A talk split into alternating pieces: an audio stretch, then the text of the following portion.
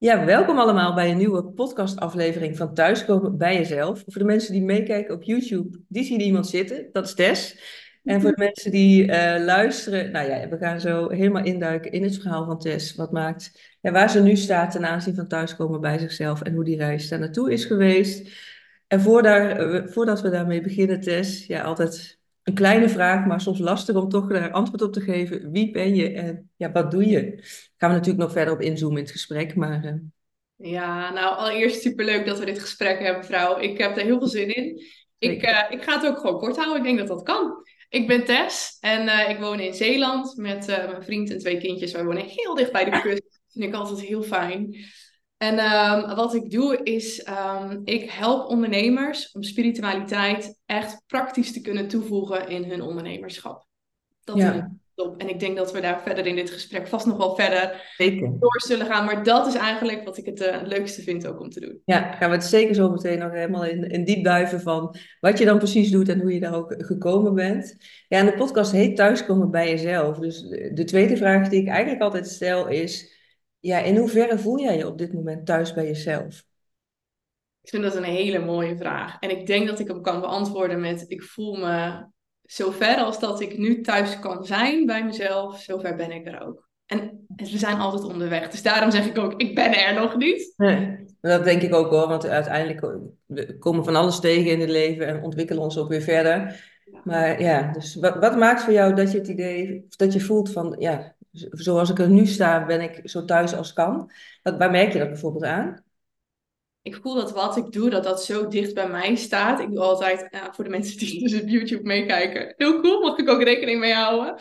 Um, voor mij voelt het altijd, als ik zeg maar mijn hand zo door het midden doe, het voelt echt als een soort van zielsuitleiding. Als echt het werk wat ik mag doen, dat dat op dit moment, zoals ik het nu doe, echt zo dicht bij mij ligt. Dat het echt vanuit mijn ziel komt dat ik op dit moment niet denk, hoe kan het nog dichter bij mij liggen? Nee, nee dus dat je echt doet, ook als je het vertelt, je hebt gelijk een dikke vette glimlach op je gezicht, je straalt helemaal. Dus dat voelt echt als dat wat je te doen hebt, zeg maar, dat je daar ook invulling aan het geven bent nu. Ja, het voelt echt zo, zo tof om, om, ik heb daar nog niet het juiste woord voor, maar om een soort van gids te zijn voor mensen, om echt het, het, het spirituele kanaal open te gooien, ze mee te nemen in die wereld, ze mee op reis te nemen en ze ook te laten voelen van, oh wauw, als ik hier dus focus op leg, wat er dan eigenlijk automatisch gaat gebeuren in je bedrijf. Dus op het moment dat je je spirituele groei en ontwikkeling voorrang geeft of aandacht geeft, dat automatisch je business mee gaat groeien. En ik vind het heel tof, want ik zie en hoor het niet zo heel vaak. Maar het ligt me zo makkelijk. Dat, ja, daar word ik gewoon dolgelukkig van. En ik kan me niet voorstellen hoe het nog makkelijker kan, maar dat is al geheid. Vraag het tien jaar nog eens. Ja, nou ja, maar dat is, dat is ook het leuke. Want ik weet niet of jij tien jaar geleden had bedacht dat je dit nu zou doen, bijvoorbeeld. Nee, nooit. Nee, nee nou ja, dat vind ik het mooie. Als je dan zo, en dan gaan we het daar natuurlijk ook nog over hebben, van hoe dat dan zo gekomen is. Maar als je dus zo in lijn bent met wat je te doen hebt en dat het je ja, ook waarschijnlijk ook makkelijk afgaat, omdat het ja, zo bij je past. Maar ook omdat je gaandeweg in je leven blijkbaar bepaalde, ja, je hebt ergens de regie genomen om de dingen te gaan doen die je nu doet, dat het zo bij je past dat je ook op zo'n pad komt, ja, wat je eerder niet had kunnen bedenken of voorstellen, maar dat het zo voelt als dit, ja, het kan haast niet anders. Tenminste, ik weet niet of je dat ook herkent. Ja, 100 procent. 100 procent. En er zijn van die, van die schakelmomenten in je leven, in ieders leven, waarop je voelt, oké, dit is een belangrijk moment voor mij. Hier mag ik echt voor mezelf kiezen. En dat zijn vaak momenten die spannend voelen.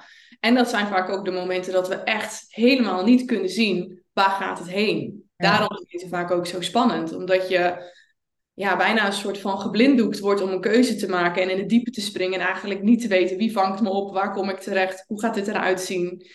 Maar dat zijn eraf gezien eigenlijk altijd voor iedereen de sleutelmomenten. En ja, die heb ik ook absoluut gehad. En tien jaar geleden had ik nooit kunnen bedenken dat ik dit zou doen wat ik nu doe. Nee, mooi om te horen. en, want we hebben het nu ook over het werk. Eh, hoe, hoe, als je het hebt over thuiskomen bij jezelf, privé, uh, is, is dat ook in, in lijn, zeg maar? Of uh, hoe, hoe ervaar je dat? Ja, want anders had ik dit ook nooit in werk kunnen doen. Dus het ging eigenlijk altijd eerst voorafgaand privé. De ontwikkeling in mezelf, die volgde ik eigenlijk altijd. Ik zeg altijd tegen mensen, ik, we willen altijd de hele koek. Maar eigenlijk worden we uitgenodigd om echt eerst de koekkruimeltjes te volgen. Ja. we denken dat we de hele koek willen. Maar als wij die hele koek al voor ons zien, dan schrikken we ons helemaal te pletteren. En dan denken we, nee, laat maar, dit kan ik niet. Het is te groot, het is te ver van mijn bed, dit, hoe dan? Ja. Maar op het moment dat je de kruimeltjes volgt, dus die kleine signalen in jezelf, in je intuïtie, in dingetjes waarvan je voelt, hier heb ik een keuze in te maken, belangrijke momenten. Als je die stap voor stap durft te volgen, krijg je uiteindelijk die koek. En dan ben je er ook klaar voor om die koek te ontvangen. Dus ik had dat op persoonlijk gebied enorm. Ja. Voor mij begon het bijvoorbeeld toen ik de opleiding tot rouwbegeleider ging volgen. Nou, als het gaat over thuiskomen bij jezelf, had ik het niet door, maar ik had echt een stuk rouw uit mijn eigen gezin van herkomst aan te kijken tijdens de opleiding. En toen zo aan het eind van die opleiding te gaan voelen, oké, maar wil ik dan eigenlijk nu nog rouwbegeleider zijn? Of had ik dit eigenlijk te volgen omdat ik dit stuk nog niet zag, het nu zie? En wil ik dit of kies ik anders? Ja. En ik heb echt ook bewust toen gevoeld van, ik, ik ga anders kiezen. Ik ga echt mijn bedrijf omdraaien. En ik ga me niet meer focussen op de rouwbegeleiding, maar ik ga me echt focussen op hoe kun je nog meer leven. Oh ja, ja, echt het contrast tussen eh, rouw, leven en dood. Ja. Ja, mijn bedrijf heette toen ook echt inpluggen op je leven. Dus dat was 180 graden anders. ik denk, nee, ik kies echt anders. Maar die opleiding heb ik wel moeten doen Ja. om, om bijvoorbeeld in, aanmerking te om in aanraking te komen met opstellingen. Ja. Toen ik opstellingen ging doen, toen dacht ik, hey, dit gaat mij makkelijk af. Ik kan makkelijk voelen op bepaalde vloerankers. Ik krijg makkelijk dingen door. Daar waar anderen mij echt appelig aan zaten te kijken. Wat, wat, wat, wat, Voel niks. Hoezo voel jij hier? Want ik voel hier inderdaad helemaal niks. Nou, toen dacht ik, hé, hey, wacht even. Hier heb ik wel iets te pakken. wat mij goed en makkelijk afgaat, dat, dat aanvoelen. Dus los van het stukje rouw wat je wellicht te verwerken had van je gezin van herkomst, ook om erachter te komen eh, wat jij kon voelen, zeg maar, in Ja. systeemopstellingen bijvoorbeeld. Ja, opstellingen was voor mij de poort naar mijn, echt naar mijn gaves te ontwikkelen. Dit was echt mijn heldervoelend Ook daarvoor nodig. stadium eigenlijk. Dus hier, het gaat over spiritualiteit, was opstellingen was voor mij stap één.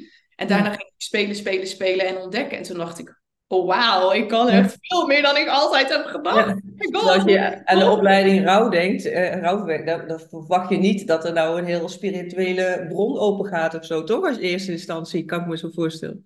Nee, in eerste instantie niet. Maar als ik nu dus achteraf terugkijk, denk ik dat was natuurlijk wel de werkplek die het dichtste bij de niet zichtbare wereld zit. Ja, inderdaad. Ja. verleden mensen, dood, de sluier daartussen. Dus ja, op dat moment voelde het als een radicaal andere keuze. Maar achteraf denk ik, ja, ik zat eigenlijk al te schuren tegen het niet zichtbare stuk waar ik Ja. graag mee wilde werken met mensen. Ja.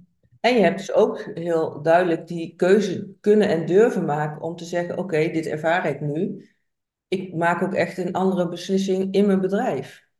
Want hoeveel mensen gaan niet door omdat ze denken, ja, ik heb dit nou eenmaal gekozen, dus dan ga ik dit pad maar afwandelen. Ja, inderdaad. En tegelijkertijd, ik was me er ineens heel bewust van. En ik vraag me af, als je gewoon je pad blijft bewandelen, soms zijn we ons nog niet echt helemaal bewust van waarom we doen wat we doen. En ik werd me toen tijdens de opleiding heel bewust waarom ik eigenlijk op heel diep niveau voor deze opleiding gekozen heb, zonder dat ik dat toen wist. Het werd mij heel duidelijk tijdens die twee jaar. En toen ik dat kon zien, Ja. ja, je, tuurlijk, je kan altijd kiezen om dan nog door te gaan. Maar voor mij voelde dat zo sterk als een, een lamp die aanging boven in mijn hoofd. Dat ik dacht, oké, er gaat nu zoveel licht op alles schijnen. Ik mag echt kiezen. En ja, tuurlijk, mensen zullen dan nog steeds het pad willen lopen wat ze gekozen hebben. Maar ik voel dat niet. Ik geef mezelf alle ruimte, ook nu. Ook waar mijn bedrijf nu staat. Ik geef mezelf altijd alle ruimte om te veranderen. Om, om te groeien, om mee te groeien met bewegingen die ik voel. En het is niet in beton gegoten. Ik word daar heel ongelukkig van als dingen vast liggen. Ja, ja, en dat is dan ook iets wat dan waarschijnlijk zo bij je past dat het misschien Ja. ook zelfs voelt van ja, ik heb geen andere keuze als dit te volgen. Omdat Ja. dit zo eigenlijk zo duidelijk bij jou naar voren kwam van dit is ja, wat Ja. ik te doen heb. Ja, ik kon niet anders kiezen. Ja, en dat kan ik alleen maar voor mezelf zeggen, want dat is ook geen one size fits all. Want sommige mensen kunnen dat dan wel. Of die hebben een andere wake-up call nodig of een ander moment nodig. Maar ik kon dat niet. Nee, ik kon niet meer. Nee, ja, mooi, want je zei ook al eerder van ja, ik ben begonnen eigenlijk in de jeugdzorg. Eh, want hoe is jouw pad daar naartoe geweest? Met, Want even ook qua inleiding, hè, mensen, als je jong bent, wordt er vaak gevraagd van, nou, wat wil je later worden? Niet zozeer wie wil je later zijn, maar er wordt heel erg wel op beroep aangestuurd in opleidingen en dergelijke. Terwijl denk, ja, wat weet je nou wat er allemaal bestaat überhaupt? Dus je kiest iets. Hoe is dat bij jou gegaan? Was dat vanuit passie of vanuit moeten of vanuit ik weet niet anders? Ik wist absoluut niet wat ik moest gaan doen. Toen ik, uh, ik heb de HAVO gedaan, ik wist absoluut niet wat ik moest gaan doen, joh. Ik was er ook helemaal nog niet klaar voor om uit huis te gaan. Nou, ik kom uit Zeeuws-Vlaanderen. Ik bedoel, dat was ook echt, ik ging echt, no way dat ik me ergens tot een grote stad aangetrokken voelde. Want ik, uh, ik, ik mijn, mijn kleine 17-jarige, ik kon dat echt niet handelen. Uh, dus ik koos er toen maar voor om te kijken wat er in Vlissingen zat. Dat was het dichtstbijzijnde. Dat was voor mij ook anderhalf uur rijden vanaf huis. Verschrikkelijk met een bus en een boot ja. en weer een bus. dus het was een wereldreis in Zeeland. Ja. Dus nee, ik ben wel echt noodgedwongen gewoon gaan kijken van... oké, okay, dit is waar ik nu klaar voor ben. Wat, wat, wat vind ik daar? Ja. Verschrikkelijk. Ik vond het echt een verschrikkelijke opleiding. Ik ben na een half jaar gestopt. Ik ben gewoon lekker gaan werken. En in dat half jaar voelde ik, oké, nu ben ik er klaar voor om naar een grotere stad te gaan. Ik ben richting Deventer vertrokken. Als je het hebt over een wereldreis. Ja. Dat was zes uur heen met het wow. openbaar vervoer. Heb ik een jaar volgehouden om trouw elk weekend naar huis te komen naar mijn ouders. Ja. Om terug te gaan naar Zeeland. En uiteindelijk wordt dat minder en minder en minder. Ja. Want welke opleiding ben je daar toen gaan doen? HBO-psychologie ben ik daar toen gaan doen. Oh ja. En daarna dacht ik, ja, nu, uh, ik werkte dus toen al in de jeugdzorg als groepsleider. Vond ik heel leuk en ik voelde ook, ja, maar ik wil me eigenlijk nog meer bemoeien met het behandeltraject van kinderen. Dus, dus moet ik orthopedagoog gaan worden. Dus ben ik die opleiding gaan doen in Utrecht. Nou, echt helemaal verschrikkelijk vond ik het. Ik heb het op wilskracht heb ik het afgemaakt. Omdat Wat was er verschrikkelijk aan voor jou? Ja, joh, nou, ik weet niet of mensen orthopedagogiek of iets gevolgd hebben, maar dan krijg je dus die, die, die statistiekvakken. Ja. Zoiets is waar je mij niet blij mee kan maken, is het wiskunde ja. of statistiek. Nee, en het was ook, ik vond het gewoon echt niet leuk. Het, het, was, het, was, het was echt een moedertje en ik heb het op, op, uh, op wilskracht heb ik het afgemaakt. Inderdaad, in die tijd nog, ik was toen denk ik twintig, ik vond dat ik het moest. En ik kon het ook, dus dat was eigenlijk geen discussie. En toen was ik echt een super jonge behandelaar. Toen was ik denk ik 20 en 21. Toen kreeg ik echt te maken met groepsleiders die mij niet serieus namen. En ik moest dat echt gaan verdienen, zeg maar, dat respect in de jeugdzorg. Dat kreeg ik uiteindelijk ook, want ik was, ik wil niet zeggen een van de betere, maar ik kon heel goed aansluiten in teams en ook met de kinderen. Ja, wat, wat trok jou aan in de jeugdzorg? Wat maakte dat jij daar uh, die richting op ging? ik wilde altijd al helpen. Als je het hebt over waar ga je, welke opleiding ga je doen, dan was eigenlijk de basis, ik wil eigenlijk wel helpen. Ik wil anderen helpen. En toen kwam ik um, eerst met pubers in aanraking. En ik was zelf net uit de puberteit. Dus dat ja, was een heel klein leeftijdsgatje. dat was heel heftig. Ja. Toen dacht ik, ik ga naar een iets jongere doelgroep. Nou, dat was fantastisch. Dat vond ik zo leuk om te doen. En dat waren allemaal jongeren uit huis geplaatst. Dus die woonden op de groep ook wel een van de heftigste doelgroepen eigenlijk. Ja, maar dat gebeurt niet voor niks natuurlijk. Het zijn allemaal mensen met een, of kinderen dan, met een flinke rugzak. Uh, ja, ja. ja. En uiteindelijk denk ik, is dat ook gewoon de reis geweest om terug te komen bij mijn eigen jonge ik. En niet dat ik in de jeugdzorg heb gezeten of dat ik een dusdanig zwaar heb gehad dat ik hulp had moeten krijgen van de jeugdzorg. Maar je gaat wel weer die reis maken. Je komt dingen tegen in je werk. Je komt verlangens tegen in jezelf. Die je bijvoorbeeld niet waar kan maken in je werk. Ik als ja. orthopedagoog moest allemaal, allemaal behandelplannen schrijven. Dat ik echt dacht, wow, ik was echt zo niet in mijn element op die plekken. Ja. Maar het moest nou eenmaal. En het moet nou eenmaal, of we doen het nu eenmaal zo, al duizend jaar dat ging mij zo tegenstaan dat ik. Ja, want je wil mensen helpen en ondertussen ben je verslagen aan het typen. Je bent bezig met allerlei regels en richtlijnen van, nou ja, wat hoort dan binnen de jeugdzorg. Uh, maar ben je dan nog, ja, op sommige vlakken help je natuurlijk echt wel mensen verder. Want ik geloof zeker Ja. dat je van betekenis bent voor anderen. Maar ik kan me voorstellen dat het niet in, eh, ja, dichtbij kwam van wat je zelf misschien dacht dat je voor een ander zou kunnen betekenen. Nee, mijn werk bestond op een gegeven moment echt uit dingen die ik gewoon niet meer, niet meer leuk vond. Ik wilde dichter bij de groep zijn, maar als ik heel dicht bij de groep stond, dan had ik ineens weer een achterstand in verslaglegging. Of er moesten ineens weer nieuwe protocollen uitgewerkt worden. Nou, serieus, kom bij mij met het woord protocol. Ik sla je ermee om te oren, want ik kan daar niks mee. Nee. Dus dat hele, al die voorbeelden die ik nu noem, ik zat zo in een Ja. hokje. En je komt als groentje ergens binnen, want zo gaat het. Je begint nou eenmaal ergens en je neemt over hoe het hoort.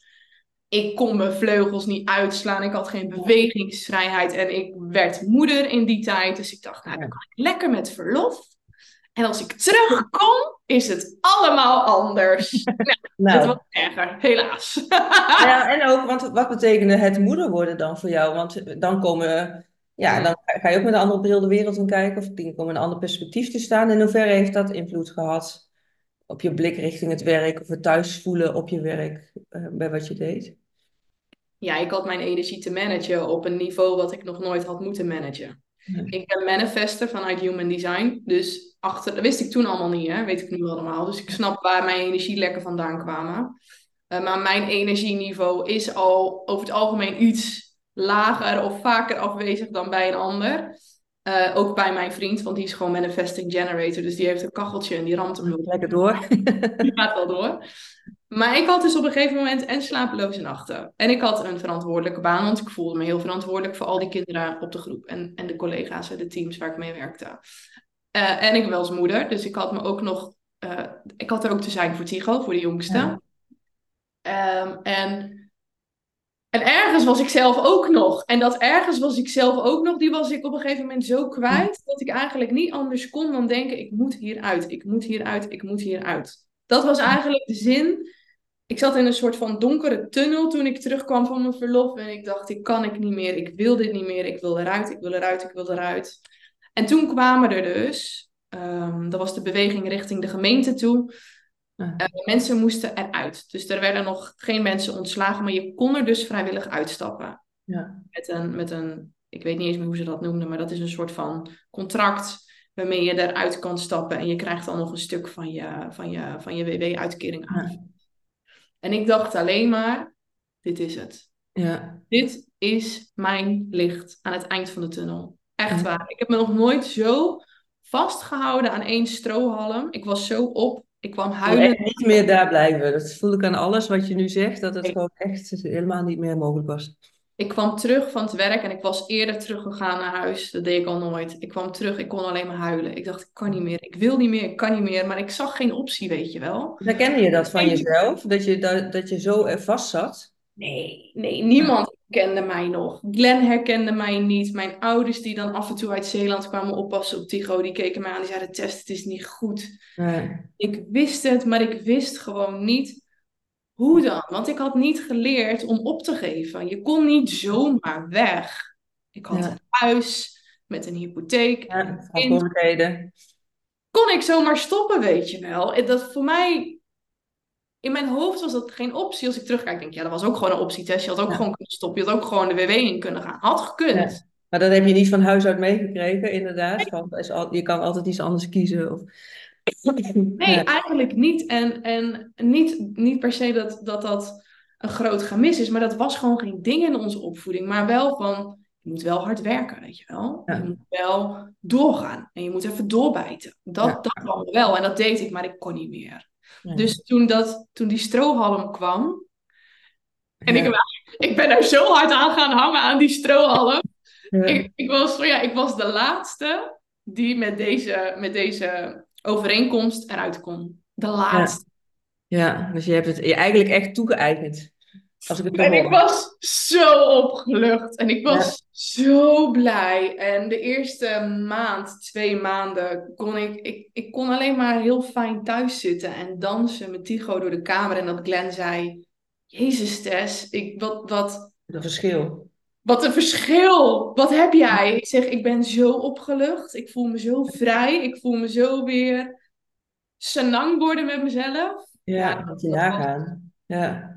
Maar dat je dus zo vast kan zitten, hè, wat je dan zelf ook hebt ervaren, dat je eigenlijk geen uitweg ziet, maar dat je, nou ja, in deze omstandigheid dan wel een mogelijkheid kreeg, maar dat, dat, dat is zo ook het contrast ervaren van zodra die druk wegvoel, wegvalt, Ja. van dat werk. Dat je dus, hoe snel je dan weer ook bij jezelf dus terugkomt. Herken jij dat ook? Want jij hebt natuurlijk een beetje hetzelfde soort Ja. proces gehad in, eh, in de GGZ. Ja, herken ik heel erg. Dat dat vastzit in die protocollen en richtlijnen voor, eh, nou ja, eh, eisen van de zorgverzekeraars. Ook Ja. voor mezelf, ook vooral weten dat het anders kon vanuit voelend weten. Ik was toen- ik, ook bekend geworden met human design. Ik denk, waarom weet niemand dit?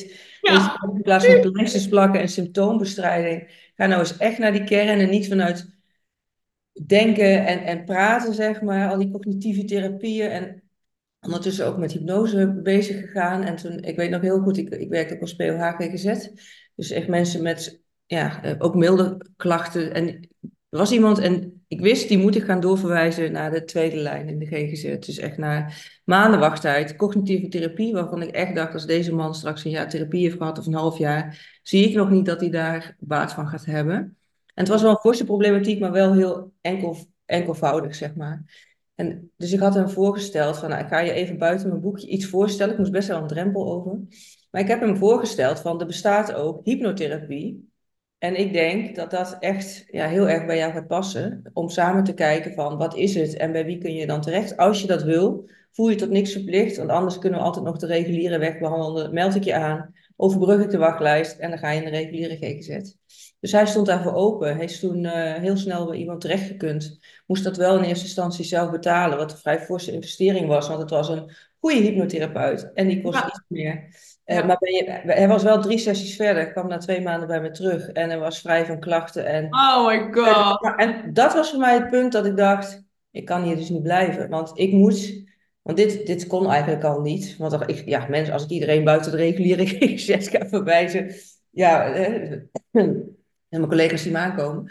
Eh, maar dat, ik ben heel blij dat ik zelf die ervaring dus heb gekozen om ook die stap te zetten om hem dat voor te leggen. Want hij was ook echt ontzettend dankbaar dat ik dat had gedaan. Plus ook dat ik dacht van ja, dit is voor mij zo duidelijk dat ik hier niet kan blijven. Want dit Ja, is wat ik anders steeds moet doen, hè? Mensen in, in, in die ja, medische GGZ-molen gaan verwijzen. Ja, dat, dat, dat kan ik niet. Dat, ook dat gevoel, dit kan ik gewoon niet meer. En ik kan wel huilen als jij zegt dat jij je boekje te buiten gaat omdat je Ja. niet naar de reguliere zorg doorverwijst. Want dan denk ik, waarom doen we niet gewoon wat nodig is? Ja, zeker. van of je het zelf moet betalen. Kijk, kan je het niet betalen, is het een ander verhaal. Maar er zijn zoveel meer mogelijkheden. En dan denk ik, als je zo goed kan aanvoelen, Ja, past bij iemand. Waarom zou je dan in vredesnaam iets verkeerds doen? Dat is toch, ja. Dat is toch de, ja, Ja, is echt bizar. niet over te hebben, dus de wereld is boven, toch? Ja. En we gaan naar een ander tijdperk, Sonja. Het kan niet Nee, anders. en gelukkig zit er wel iets van een shift, want er zijn wel Ja. steeds meer ook ziekenhuizen die werken, bijvoorbeeld met hypnose, maar het is, nou ja, weet je, het is zo'n log systeem. Alles wat, waarvan je denkt, nou, dit, dit kan zoveel effectiever en makkelijker en vooral om mensen eerder in hun kracht te zetten. Of je het nou hebt over human design, ja, waar ik echt zie van, hè, waar je echt naar je kern gaat in plaats van, nou, wat bij de GGZ veel gebeurt. Dus die symptoombestrijding. Ja, nou, daar hoefde ik binnen de GGZ ook niet mee aan te komen. Ik had één collega die wist wat het was, die was er heel erg in geïnteresseerd. Maar ja, als ik in een behandelplanbespreking zou zeggen, nou, ik zou hem human design adviseren, dan eh, al die psychologen en psychiaters, die zouden me echt eh, als op water kon branden, denk ik. Was, daar was, die wereld is daar nog niet klaar voor. En toch komen er zoveel nieuwe mensen aan die deze Ja. kennis al hebben en die dit dus mee gaan nemen in hun Zeker. vak. En weet je, dat voel ik ook heel sterk. Ik weet ook niet wat voor soort mensen naar, jou, naar jouw podcast luisteren. Maar ook als je wel in dit werkveld zit en je voelt, ik heb hier iets te doen, dan, dan heb je daar ook echt iets te brengen. Maar ik voelde gewoon, ik kan er niet meer in zitten, weet je wel. Ik Ja. moest eruit. En ik hoor dat bij jou ook, je moest eruit. Maar ik weet ook, er zijn mensen die voelen, ik moet erin. Of ik moet eruit en ik moet vanaf de andere kant erin. Kan ook, hè? Dat je vanaf, Ja. dat je, dat je die wel... manier verandering eh, teweeg kan brengen. Ja, Ja. En ieder heeft daarin, als het gaat over thuiskomen bij jezelf, ieder heeft daarin zijn eigen pad. Want dat ik nou zeg, ik, moet, ik moest eruit breken, en dat jij zegt, ik moest eruit breken, wil niet zeggen dat als jij nou luistert en denkt, oh kut, ik vind sowieso ook niks, maar ik moet hier blijven. ja. En je voelt dat heel sterk zo, dan moet je je eigen pad volgen. Want dan heb je waarschijnlijk iets anders te doen dan dat wij dat moesten doen. Of je voelt je helemaal op je plek, hè, in- binnen de werk. Ja, ook, net noemen. Ja. Waarvan je denkt, het is ook, iedereen heeft daar ook zijn eigen zijn waarheid in en zijn mening in. En hè, dat mag ook allemaal zijn. En nou ja, daarom heb ik ook wel deze podcast om ook wel te laten zien van wat er nog meer allemaal mogelijk is. Maar ga het vooral voor jezelf ontdekken. Dat weet dat er meer is. En als je denkt, ja, ik wil die reguliere weg. Ik, weet je wel, ik voel me prettig bij. Ik ga naar de huisarts en ik ga naar een psycholoog. Dan wel naar een specialist op uh, fysiek vlak, hè, op, lichamelijke. Ook prima als, als dat voor jou oké is. Maar weet in ieder geval dat er zoveel meer mogelijk is ja, waar je niet mee in aanraking komt als je op de stoel bij de huisarts zit met je klachten bijvoorbeeld. Of als jij hè, met je onderneming wil groeien en ja, ik noem maar even tussen aanhalingstekens de standaard business coaches in de arm neemt. Want ja, er is zoveel meer mogelijk dan uh, ja, dat, dat je weet. En ja, dit is ook wel het platform om mensen daarmee in aanraking te komen. En op die manier te gaan ontdekken, ja, wil ik daar wat mee? Past het bij me? En uh, ja, hoe daar je weg in te vinden. Ja. Zo mooi ook, want mensen kunnen dan zelf gaan voelen waar, waar en als het dan gaat over hè, je gaves en spiritualiteit. Ik geloof dat iedereen dat kan. Dus dat als mensen luisteren naar een podcast van jou en ze luisteren dat iemand voorbij komt, bijvoorbeeld een hypnotherapeut voorbij komt en er gebeurt iets en je voelt van, fuck, ik mag hier wat mee. Ja, dan is dat dus de koekkruimel waar ik het eerder over had, om daar een eerste stap in te zetten en dan te kijken wat gebeurt er vervolgens. Want vanuit daar ga je weer een koekkruimel vinden. Ja. Iedereen, en mensen zeggen wel eens, Tess, ik heb dat niet. En dan denk ik, dat is echt bullshit. Ja. Als je ervoor open staat, dat is wel belangrijk. Als je ervoor open staat, heeft iedereen dit. En of je het nou een onderbuikgevoel noemt, noemt of je noemt het je intuïtie, of je noemt het, uh, weet ik veel, je sign, of, of, of, of het is ineens plop een gedachte in je hoofd. Iedereen kan het. Ja, nou, dat vind ik wel mooi dat je, want dat, dat is ook waarmee ik met jou in aanraking ben gekomen, ben gekomen hè, voor jouw masterclass die je hebt van, uh, uh, wat is het, communiceren, spiritueel communiceren met je bedrijf. Ja. Dat dat voor mij ook echt zo'n eye-opener, en ik ben echt wel open-minded en heel erg veel bezig met journalen. En, maar tijdens die masterclass heb ik ook echt ervaren om echt die verbinding met mijn bedrijf te maken. En als je mij dit een paar jaar geleden zou hebben verteld, ja, weet je, doe zo raar, weet je wel. Komt het in het bedrijf of uh, ik zag het ook echt voor me hoe dat dan eruit zag. Uh, ja, en denk, doordat ik dan hè, in dit geval met jou in contact kwam, of met andere mensen die ook op deze manier in het leven staan, er is veel meer dan wat we dus helemaal aan dan wat we kunnen zien. Ja. ja. dat brengt zoveel meer. Ik heb ook nou dit plaatje altijd uh, staan. Die heb ik gemaakt naar aanleiding van. Uh, uh, nou ja, hè, van die masterclass van hoe ik mezelf en mijn bedrijf zag. Dus daar is een andere podcastaflevering van. Dus wil je daar meer over weten, zoek die vooral even op. maar denk ik, ja, dat geeft zoveel meer input weer dan, oh ja, dit is weer de zoveelste uh, stap die je moet zetten om uh, lineair te groeien met je business. Want dat is dan vaak wat er, uh, wat er gebeurt, of op persoonlijk vlak. Nee, je kan echt die quantum leaps nemen. Het is niet lineair. Je hoeft niet eerst al die stappen te zetten om tot een grote ontwikkelpunt persoonlijk of business-wise te komen als je ervoor open staat om daar ja, meer van te zien en te voelen. En dat dan ook serieus te nemen. Hè? Want hoe makkelijk gaat ons hoofd er weer mee aan de haal? Ja. ja, en dat is denk ik, ook dat gaat in fases, weet je wel. Want je kan iemand die, um, die nog niet overtuigd is van dat dit werkt, dit tussen haakjes, of het dan quantum uh, werk is, of law of attraction, of energiewerk, of spiritueel werk als je nog niet in de fase zit dat je echt goed kan voelen, ik geloof dit, dan zit je dus nog in de, in de fase van aftasten en uitzoeken en uitproberen. En dan ga je er met een bepaalde voorzichtigheid in en daar is niks mis mee. Daar is niks mis mee. Maar zodra er een soort van terughoudendheid in zit, heeft het universum ook een soort terughoudendheid. Kan ook niet alles geven, omdat je er zelf nog niet vol in zit. En dat is oké. Ook dat is dus weer zo'n groeiproces. Want mensen zeggen wel eens ja, waarom lukt het me nog niet, zo'n quantum leap? Of waarom, waarom, weet je wel, kan ik nog niet communiceren met het spirit team? Of waarom zie ik nog niet per se dingen? Of voel ik dingen? Ja, dat is waarschijnlijk omdat je nog in die, in die aftastende fase zit van, geloof ik eigenlijk wel wat ik hier ja. weet je wel?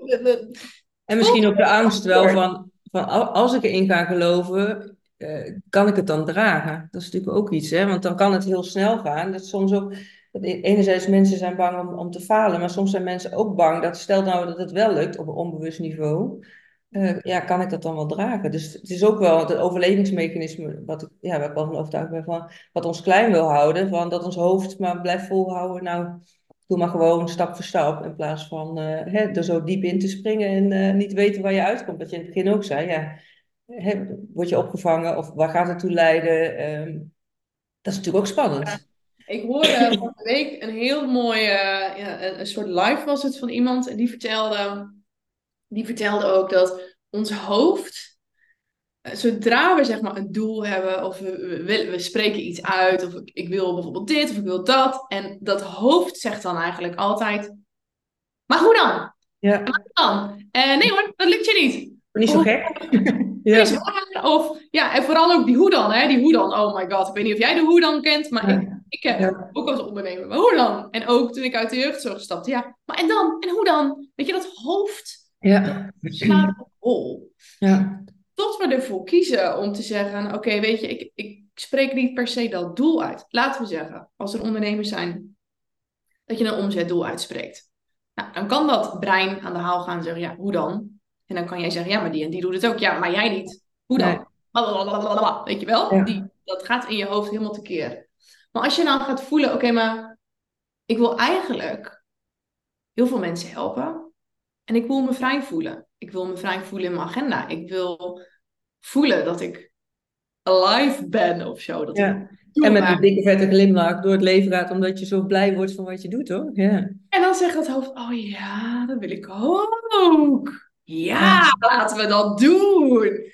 Voel je hoe dat hoofd dan ineens een soort van kalmeert? Dat als we niet een, per se een doel van omzet of aantallen of... Dan, dan gaat het over de oppervlakte en dan snapt ons hoofd dat niet. Tot we dus intappen op dat gevoel en we daardoor dus ineens gaan aantrekken wat we willen. Ja. En dan tegen ons hoofd kunnen zeggen, ja luister eens, het is ons gelukt. En dan zegt Ja. dat nog steeds, hoe dan? Ja, weet ik Ja. eigenlijk ook niet, maar... Ja, dat is ook, hè, wat je zei, die koekruimers. Ik zeg altijd, het pad ontvouwt zich. Als jij in een mistige weg rijdt, zie je ook niet de hele weg. Maar je weet wel dat als je die weg volgt en de bochten volgt, dat je op een bestemming uitkomt. Ook al kun je die dan nog niet zien.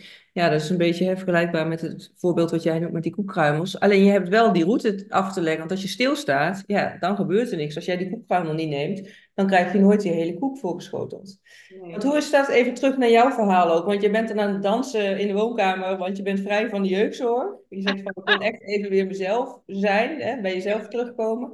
Maar inderdaad ook, en dan? Wat, ja, had je überhaupt een idee, wat, wat dan?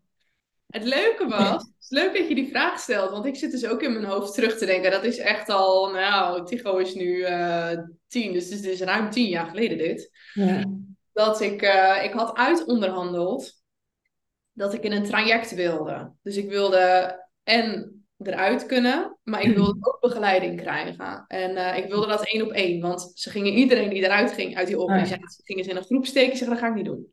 Ik zeg, ga maar niet dat jij dat zo helder voor jezelf wist? Van, ik weet precies wat ik wil qua Ja. begeleiding daarin. Wat was dat? Ja, Nou, ik wist, ik wist heel goed, ik ga niet met al die azijnpissers die er nu uit zijn gestapt, want die waren allemaal over de zeik. Iedereen was boos, Ja. iedereen was gefrustreerd. Ik wil niet met hun in één groep zitten. Dat doet mij echt 0,0 goed. Ja, Eh, mijn energie gaat mega door het putje heen. Ja. Ik wist, ik wil, ik wil dit, maar ik ga dit alleen doen. Nou, is Ja. Maar da- daarin lukt het dus heel goed om echt voor jezelf op te Ja. komen van dit is wat ik niet wil juist en ik ga voor wat mij weer verder gaat helpen. Maar ik zat op zo'n low point dat ik niet anders kon dan heel duidelijk mijn grens aangeven. Want Ja. anders kon ik mijn bed niet meer uit. Zou ik een burn-out inrollen? Ja, Ik kon niet anders meer. Ik wist gewoon, nee, dit werkt niet. Dit is het. Dit wil ik. En die vrouw heeft mij dus ook allerlei opstellingsmanieren laten voelen. En ik heb, ik heb gewoon letterlijk mijn hogere tijdlijn, zoals ik het nu noem. Dat was Ja. helemaal niet wat we toen deden. Ik kon hem voelen, maar ik durfde er niet op te staan. ja, Dus wat ik moest doen, is ik moest op de plek staan waar ik het allerbeste tot mijn recht kwam. Zo noemde zij dat. ja, En ik, ik ging daar staan en ik kon niet. Ik werd helemaal zo duizelig en een soort van weggeblazen. Dus ik moest een stap achteruit zetten. En wat ik voelde toen ook al die energie echt heel duidelijk. Ja, Achteraf wel. Ik kon het allemaal al. Maar ik dacht, nee, Ja. dat kan niet. is niks voor mij. Ik heb daar helemaal geen... ik kon het nog niet plaatsen, zeg maar. Nou, ik had er echt wel gevoel voor. Maar dat is allemaal... Ja, ja. Weet je, dingen die normaal voor je voelen, voelt ook niet als bijzonder. Maar als je het ook niet meet, of tenminste, ik weet niet, hoe, hoe was het bijvoorbeeld in jouw thuissituatie, in jouw gezinssituatie? Werd daar ook over spiritualiteit überhaupt gesproken? Want Zeeuwen zijn over het algemeen volgens mij nuchter, voeten in de klei. Letterlijk. Goed in de klei staat tot je heupen in de klei, hoor. Ja, ja, en nou ja. kan niet. Nee. Nee, dat was een heel groot ding, tuurlijk. Daar werd ook amper over gesproken. En toen ik daar heel voorzichtig wat dingen over ging delen ooit, was ik daar ook echt wel... Ik was wel een beetje bang om de dorpsgek te worden. Ik heb er ook al een paar podcasts over opgenomen van... Weet je, dat, dat zijn diepe angsten die niet per se in dit leven getriggerd worden. Maar je wordt wel uitgenodigd om ze weer te voelen en aan te kijken. En, en toch te doen wat je hier te doen hebt. Je eigen pad te Ja. Thuis te komen bij jezelf vraagt ook om lef. Vraagt om, Ja, ja. vraagt om dingen doen waarvan je ergens voelt, ik kan nou uitgekotst worden. Of ik kan uitgelachen worden. Of mensen kunnen me niet meer begrijpen. Of mensen kunnen achter mijn rug om gaan praten. En dat had ik in het begin enorm. Ja, want zeker als je daar in een omgeving zit waar dat helemaal niet gebruikelijk is. En dan kom jij ineens aan met energie voelen en... En iedereen kent elkaar ook hier, hè? Dus je Ja, zit in ja. Amsterdam in, in, in waar je helemaal soort van anoniem door het leven kan. Ja. Maar hier kent iedereen elkaar. En, Ja, en, en ja, mijn achternaam is dan ook nog gekoppeld aan een juwelierszaak hier in de streek waar, waar veel mensen heen gaan. Dus, dus dan krijg je, ja, die van Rinus en Carolien. Wat doet die nou eigenlijk allemaal? Oh ja. Dan krijg je dat soort verhalen. En dat gebeurde waarschijnlijk wel. Ik heb het niet echt zo meegekregen. Maar wat er vooral gebeurde, was achter de schermen kreeg ik van mensen privéberichtjes van wat tof dat je dit deelt. Ik voel je Ja. Ik kreeg dat niet openbaar als commentaar onder mijn post. Maar Ja. anoniem in een DM kwamen al die zeeuwen stiekem druppelsgewijs binnen. En zeiden ze, wat fijn dat je iets openbreekt hier. En toen dacht ik, dit is interessant. Ik was echt bang om verketterd te worden. ja, En eigenlijk valt het best wel mee. ja. Want wat heeft jou toen toch eh, doen besluiten om wel die stappen te zetten? Of jou dat vertrouwen te geven? Of nou, wat het dan ook was, dat je daar wel voor bent gaan staan? Hmm, ik wist dat het werkte. Ja, Ik deed dit op een gegeven moment. Ik, hoe ik onderneem is, ik heb een idee en ik ga het uitproberen. En dat idee, dat is dan vaag. Mensen voelen daar iets bij of niet. Zo is het met elk aanbod in mijn bedrijf. Ook nu weer trouwens precies hetzelfde. Ik voel iets. Ik heb geen idee wat je gaat kopen, maar je voelt het of je voelt het niet. ja, Dat was toen ook, toen ik daar net bij begon, voelde ik, ik ga opstellingen doen. Zonder dat er iemand bij mij in de ruimte is. Ik ga het gewoon voor je doen. Ik neem het op, Ja. ik koop een headset, ik spreek alles in wat ik voel. En jij kijkt het lekker op een video Ja. thuis in eh, Friesland of Drenthe of waar je dan ook zit, weet je wel. En dat werd nog helemaal niet gedaan. En ik ging dat, al dat soort dingen ging ik dus doen. Was En ook bij jou, als je het hebt over dat generatorschap, hè, om nieuwe ideeën echt in de wereld te zetten. Wa- Was je toen al bekend ook met human design of kwam dat daar later dan? Ja, nee, toen ook nog niet. Nee, nee. Het blijk- Het blijkt, het is niet per se. Ik weet niet of het echt ook bij generators past, maar dit is wel ook echt een manifesten ding. Dat je gewoon gaat doen. Sorry, en. Ja, sorry. Ja. en dat je dus eigenlijk helemaal niet. Is het al eens gedaan? Nou, ik weet het Ja. niet. Ik doe het gewoon, weet je wel. Ja. Ik probeer een nieuw pad uit. Ja. Ehm, en dat werkte elke keer. En omdat het zo goed werkte, ik zag dus ook wat er gebeurde, kreeg ik steeds meer bevestiging, ook voor mezelf. Ja. Tess, wat je hier aan het doen bent, dat snijdt hout, dat doet iets, dat heeft impact. Ik kreeg huilende berichten, ik kreeg Wauw. kippenvel, ik kreeg dit klopt, dit, Ja. weet je wel, dat ik dacht, oké, maar wacht even, als dit zo klopt, dan mag ik hiermee door. Ja, ja, dat geeft ook de bevestiging om Juist. door te Dus als jij vraagt van waarom ben je dit steeds meer openbaar gaan brengen, omdat ik wist, het klopt. En niet iedereen hoeft het te Ja. snappen. Niet iedereen Ja. hoeft het mee eens te zijn. Je hoeft er ook niet eens voor open te staan, want dan ga je gewoon lekker naar een ander. Ja. Maar als jij er wel voor open staat, dan ben ik er voor jou. En dan praat ik tegen jou en dan hoop ik jou te kunnen helpen. Ja, Ik mooi. praat niet tegen iedereen. Ik praat tegen de mensen die het in energie en in golflengte kunnen pikken. Ja, Kunnen pikken. ja, mooi zeg. Ja. Want, en, want je bent dan, je hebt voor jezelf die eh, begeleiding aangegaan vanuit de jeugdzorg. Ja. Je zei al, in, in de familie zit wel dat ondernemende, hè? Want je ouders hebben dan die juwelierszaak. Ja. Eh, wanneer kwam voor jou het punt dan om ook echt voor jezelf te beginnen? Ik voelde dat al heel lang. Zelfs in de jeugdzorg voelde ik al, ik wilde eigenlijk een eigen praktijk. Dat was toen nog een beetje de way to go, een, fy- een fysieke praktijk. En eh, dat was in het begin dus in rouwbegeleiding. En ik ben dus ook zo iemand, ik ga niet een opleiding afmaken voor ik mensen ga helpen. Want ik weet over een half jaar niet extreem veel meer dan wat ik nu weet. Ik ga het gewoon nu al doen. Ik kan dit al. Ja.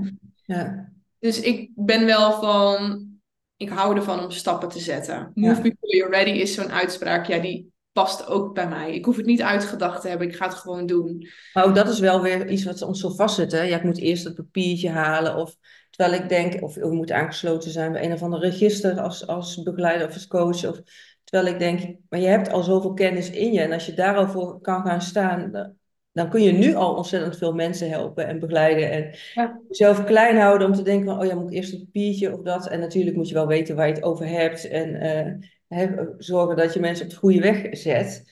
Maar ja, op het moment dat jij maar steeds blijft vol, ja, ik moet eerst nog dit of eerst nog dat. En dan pas kan ik, nou ja, dat gaan doen.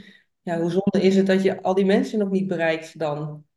Terwijl je het al Ja. kan. Ja, En er zit ook weer een verschil in. En dat weet jij waarschijnlijk beter dan ik vanuit human design. Want de mensen die in één lijn hebben, bijvoorbeeld in human design, die zijn gek op informatie en gek op opleidingen. En dat zijn sponsen voor nieuwe informatie. Ja, En eerlijk gezegd, als ik heel eerlijk naar mezelf kijk, ik hoef niet te weten hoe dingen werken. ja. Ik wil voelen dat ze werken. En dan ga ik ermee aan de haal. Dus ik, Ja. ik ben ook anders gewired dan weer, dan weer iemand anders. Dus dat ik kan zeggen, move before you're ready, dat past bij mij. Welke lijn heb jij? 6-2. Oh, ja, eh, heel Jij ook? Precies dezelfde? ja, ik heb ook dat ik vanuit allerlei verschillende bronnen, zeg maar, dan weer iets Ja. samenbreng tot ja, iets vernieuwends, zeg maar, waar men, echt op maat dan ook weer voor mensen. Dat herken ik heel erg van. Ik Ja. ben ook niet van de weetjes en de kennis. Ik weet, ik wil natuurlijk wel bepaalde achtergronden soort van weten, maar niet tot op detail. Maar wel van hoe gebruik je het en hoe kun je het vooral die verschillende dingen weer combineren. Want ja, iedereen is uniek. Niks is zaligmakend voor iedereen. Dus voor mij past het heel erg om het echt op de persoon af te stemmen. En alles wat ik overal vandaan haal voor die persoon, ja, te maken wat voor die persoon werkt. Ja, Ja, precies. Dus je gaat eigenlijk je wijsheid delen. En ik merk Ja. ook, mijn wijsheid komt soms uit, uit bronnen waar ik Ja. zelf eigenlijk gewoon niet van weet. Dan, dan, dan ga ik bijvoorbeeld een sessie in met een groep en dan sluit ik hem af en dan denk ik, jezus, Minates. Ja, Jij hebt gewoon je bek opengetrokken. Er is me een roffel aan informatie uitgekomen. Waar kwam dit vandaan? Dat ik achteraf ook denk, ja, waar kwam dit eigenlijk vandaan? ja. Het was perfect. Het was precies wat de groep nodig heeft. Ja, maar het is niet dat ik, dat ik dit voorbereid en eh, stap voor stap voor stap voor stap. Soms doe ik het als ik een training echt wil opnemen voor mensen.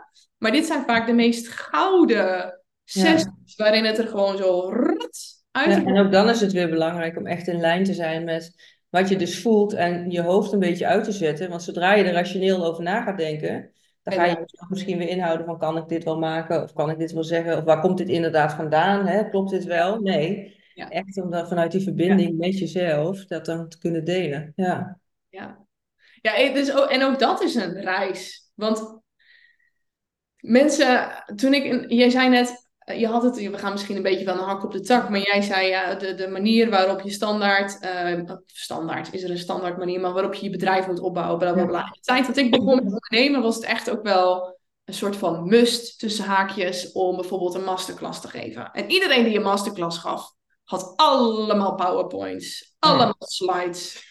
Ja. Als er iets is waar ik heel slecht op ga, dan is het dus blijkbaar dat helemaal tot in den treuren voor te Bereiden. Kan ik me helemaal in verliezen, op de slechte manier eerlijk gezegd. Ja. En ik ging mezelf dus toen uitdagen. Maar wat nou als ik gewoon geen PowerPoint maak? Wat nou als ik me gewoon niet voorbereid? Wat nou als ik gewoon echt een hele mooie visualisatie eruit laat komen zonder dat ik weet waar we het over gaan hebben? Ja. En ik ben zoveel tegengekomen in mezelf toen ik mezelf daartoe uitnodigde. Want dit kon niet. En ik moest Nee. voorbereid zijn. En die mensen die kwamen. en La, la, la, la, la. Duizend opmerkingen. Maar dit zijn mijn meest gouden momenten. waarin ik het Ja. niet voorbereid. Ja.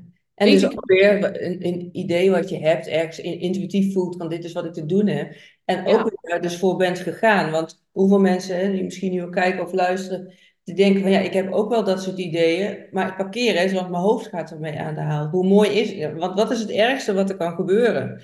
Ja. Als je het wel zou doen, hè? Of als je daarmee zou experimenteren. Of, eh, Ja. ja. Dat is altijd een hele goede vraag om jezelf te stellen. Wat is het ergste wat er kan gebeuren? Het ergste wat er kan gebeuren is dat je op je bek gaat. Of dat er niemand komt of dat het niet werkt. Oké, ga je dan dood? Ja. Nee. Dus hoe erg is het eigenlijk dan? Ja. Ja, oh, dan valt het eigenlijk toch wel mee. Ja, nou, je ziet wat het je kan brengen, hè? Wat, eh, wat je allemaal misloopt als je het steeds maar blijft uit, vooruitschuiven. Of, eh, ja. Ja, en in het kader daarvan is het denk ik ook leuk om mee te geven dat op het moment dat je. Kijk, ik vind het ook heel erg leuk om te kijken naar de energetics, naar, naar de energie ook in bedrijven, in jou, in je bedrijf, in je ondernemerschap. Op het moment dat jij ideeën parkeert, parkeer je dus eigenlijk ook hele vruchtbare energie. Zet je eigenlijk gewoon daar en die is weg. Eigenlijk is die dan gewoon weg. Want als je dan het idee wat in de hoek stond er weer uithaalt, dan zul je merken, de energie is er eigenlijk vanaf. Dan werkt het niet meer zo lekker. Of dan ben je er niet meer zo enthousiast over als dat je was toen je hem wel kon pakken. Wat er gebeurt op het moment dat jij een idee krijgt en je, je, je maakt het kleiner en je denkt, hoe kan ik dit nou wel de wereld in werken? Hè? Misschien word je wel een beetje bang van dat je denkt, oh my god, het is echt te veel werk, weet je wel? Nee, doe ik niet. Hoe kan je het kleiner maken en hoe kan je wel een stapje zetten daar naartoe? Wat er gebeurt als je dat stapje zet, en de mensen die nu op YouTube volgen, die zien mij, vind ik heel fijn dat je dit ook daar gebruikt. want Ik krab in mijn handen. Je zet een wiel van energie in gang. Ja. En alleen al dat ene stapje zetten, wat het ook is, of je nou in loondienst bent of je bent een ondernemer, dat ene stapje zetten, dat zet een andere, grotere energie in gang. Waardoor dat wiel steeds groter wordt en steeds sneller en verder kan gaan rollen.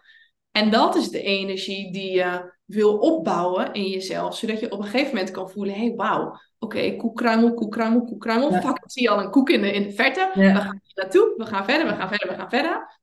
En dat is één kleine stap, kan zo immens veel energie teweeg brengen als je hem maar zet. Dus als stappen te groot zijn, maak ze kleiner. Ja. Wat kan wel? Wat durf je wel? Wat is behapbaar? Ja. En door, en door, en door, en door. Ja, ja, want dat is ook het moment dat je jezelf stilzet. En inderdaad, hè, dat idee wat dan ergens geparkeerd staat, het is nooit meer inderdaad de energie die het was. En of iemand anders gaat ermee aan de haal, want dat is geloof ik ook wel. Hè? Alle ideeën die je krijgt, het zijn ook ideeën omdat ze in de wereld mogen komen. En als jij het niet doet, dan gaat het idee naar iemand anders. Want vanuit het idee van het universum, dit is wat in de wereld mag komen. En als je daar te lang mee wacht, dan gaat het, ja, nogmaals, dan gaat het inderdaad naar iemand anders. En dan, ja, vis je een beetje naast de pot, totdat je misschien weer een nieuw idee hebt. Maar als je jezelf dan klein houdt en denkt van, oh ja, dit durf ik niet, dan is het steeds, of later, oh ja, had ik maar, oh had ik maar. Of heb je later spijt in het leven van eh, alles wat je niet hebt gedaan. En dat is ook een vraag om jezelf te stellen, ja, wil je dat, hè? Kun je daar dan mee leven? En dat is op alle vlakken, hè? want jij stelt nu die vraag. En dat is precies de vraag die ervoor zorgt dat wij van Deventer teruggegaan zijn naar Zeeland. Ik heb altijd geroepen, ik ga daar nooit wonen, weet je wel. Oh ja. Nooit wonen. Voor vakantie, fantastisch, maar ik ga daar Ja. nooit meer wonen, want daar is niks. Dat was eigenlijk mijn conclusie wel. En eh, nu wonen we er alweer negen jaar. En Ja. dat was ook precies de reden. Want als we het niet doen, gaan we dan later spijt krijgen. Ja. Dus eigenlijk vanuit het antwoord op die vraag dachten we, ja, dan gaan we het gewoon wel doen en dan zien we het wel. Ja, in ieder geval proberen. En Ja, het pakt fantastisch uit. ja. Ik kan wel hier ondernemen. Ja, er zijn gewoon mensen die naar Zeeland willen komen voor een. Ja, Ja. dat kan gewoon. Mensen, ja, mensen zijn hier spiritueler dan we denken. Hoe leuk. Ja. Ook hier kan het. Ja, ja, maar ook, ook dat is inderdaad daar invulling aan. En ook gewoon het aangaan en zien inderdaad wat, er- wat, wat ook hierin is, wat is erg, wat er kan gebeuren. En je kan altijd opnieuw kiezen. Het is niet zo dat als je eenmaal wat gekozen hebt, ja, dan is dat het toch? Ik bedoel, het is altijd weer een andere manier. Of je, je weet hè, van, oh ja, dit is het niet, maar dan weet je ook weer duidelijker wat je wel weer wil. Ja. Eh, en als het het wel is, ja, dan kun je van daaruit weer verder uitbouwen. Maar dat is ook ja, om dat aan te gaan. En dat, ja, dat verschilt natuurlijk ook per type. Hè. Bij mensen van de een is daar makkelijker in om dingen uit te proberen en aan te gaan. En de ander is misschien wat behoudender. En, maar voel wel voor jezelf, is het iets wat je tegenhoudt vanuit een angst dat je het niet durft of, hè, of om in die grootheid te stappen. En wat zou er gebeuren? En, en je haakt het in kleine stukjes misschien. Als je het wel eens zou doen, ga het gewoon eens uitproberen. Ook om voor jezelf te ervaren nou ja, hoe mooi het kan uitpakken. Want nou ja, we zijn ook een beetje in jouw verhaal. Jij bent dan bezig met, oh ja, ik wil een eigen business. En je hebt ook verschillende vormen van je bedrijf gehad. Ja. Misschien ook mooi om dat haakje wel op te pakken van hoe je dan gekomen bent tot waar je nu staat. Dus ook denk ik door het hebben uitgeprobeerd van bepaalde dingen en weten van, oh hier, hè, weer ervaringen, hier mag ik weer Ja. een andere richting op gaan. En kun je ons daar eens mee meenemen? Ja, wat dat, betreft, wat dat betreft had ik denk ik prima een drie lijn kunnen hebben hoor, in mijn human design. Want dat is de lijn Ja, zes is natuurlijk deels ook wel eh, die drie lijn. Ja. Heb ik niet, maar daar lijkt het wel op. Ja, ik ben het gewoon. En ik ben, ik ben vooral gaan voelen Waar krijg ik energie van? Ja. Wat laat me op en wat laat me niet op? En er zijn momenten geweest in mijn bedrijf dat ik voelde, dit laat me niet op. En dat ik dan ook echt ging voelen, oké, is het de soort klant waar ik mee werk? Is het de vorm, de, de vorm van mijn aanbod wat me leegtrekt? Is het de prijs die niet klopt, waardoor ik leegloop? Wat is het wat niet klopt? Dat zijn voor mij altijd heel, drie heel belangrijke elementen. Is het Ja. mijn doelgroep? Is het de vorm of is het de prijs? Ja. Als één van de drie, of meerdere soms ook, niet in balans zijn, heb ik daar iets in te verschuiven. En dan heb ik dus eigenlijk ook een grotere versie te worden van mezelf. Dat is het ondernemerschap voor mij. Als ik terugkijk, word elke keer uitgenodigd om op een hogere tijdlijn te staan. Om, op een, om die vrouw in mezelf op te roepen, te uploaden, zeg ik altijd. Ik heb een versie in mezelf die ik mag uploaden. En als ik die versie kan voelen en ik voel wat voor kracht deze vrouw heeft, dan kan ik dus alle downloads die om me heen staan, die in het universum hangen, die bij die versie van mij horen, dan kan ik ze ontvangen. En dan voel ik de volgende stappen weer. Eerder zie je dat, dan voel je dat ook niet, want daar ben je er niet mee verbonden dan natuurlijk. Nee. Dan ben je geen energetische match met al die ideeën die in de lucht hangen. En die ideeën die worden opgepikt door iemand die daar wel een match mee is. Ja. Wat je niet zo mooi zei. Volgens mij heeft Elizabeth Gilbert daar zo'n mooi boek over geschreven. Dat alle ideeën die, die hangen er. En pas op het moment dat iemand een match is met zo'n idee, dan wom, komt die Ja. binnen. Is het aan jou om er iets mee te doen? En dan moet je hem wel oppakken. Ja. Ja, dan gaat het idee naar de volgende. En dat is ook prima dan. Als het maar opgepakt wordt ergens. Een beetje hetzelfde ook als op het moment dat jij hè, vastloopt in ergens iets, omdat je, nou ja, noem maar wat richting burn-out gaat, is Ja. ook omdat je ergens vanuit het univer- universum, dat, hè, zo voel ik dat ook wel, gestuurd wordt van ja, dit is niet jouw pad, je mag een andere richting op. Ja, en hoe stoïcijns kun je zijn om maar in datzelfde te blijven? Ja, dan wordt het van eh slecht te slapen en prikkelbaar zijn naar misschien een burn-out, naar een depressie, naar, totdat je echt denkt van ja, en nou moet ik wel in beweging komen. En dit is dan hè, een voorbeeld, zo heb je dat natuurlijk op verschillende ideeën. Je wordt daarin wel meegenomen aan de hand en een soort van geholpen en gestuurd. Je hebt het wel te zien en ook die stappen in te zetten. Of het nou gaat om die ideeën tot uitvoering te brengen of om ja, je hart te gaan volgen met wat je te doen hebt hier. Ja, en dan kan je, je kan echt een putje inzakken als je niet zelf beslissingen gaat nemen. Ja. En je wordt dus, dat is een hele mooie quote ook, hè? I had to make you uncomfortable to move you.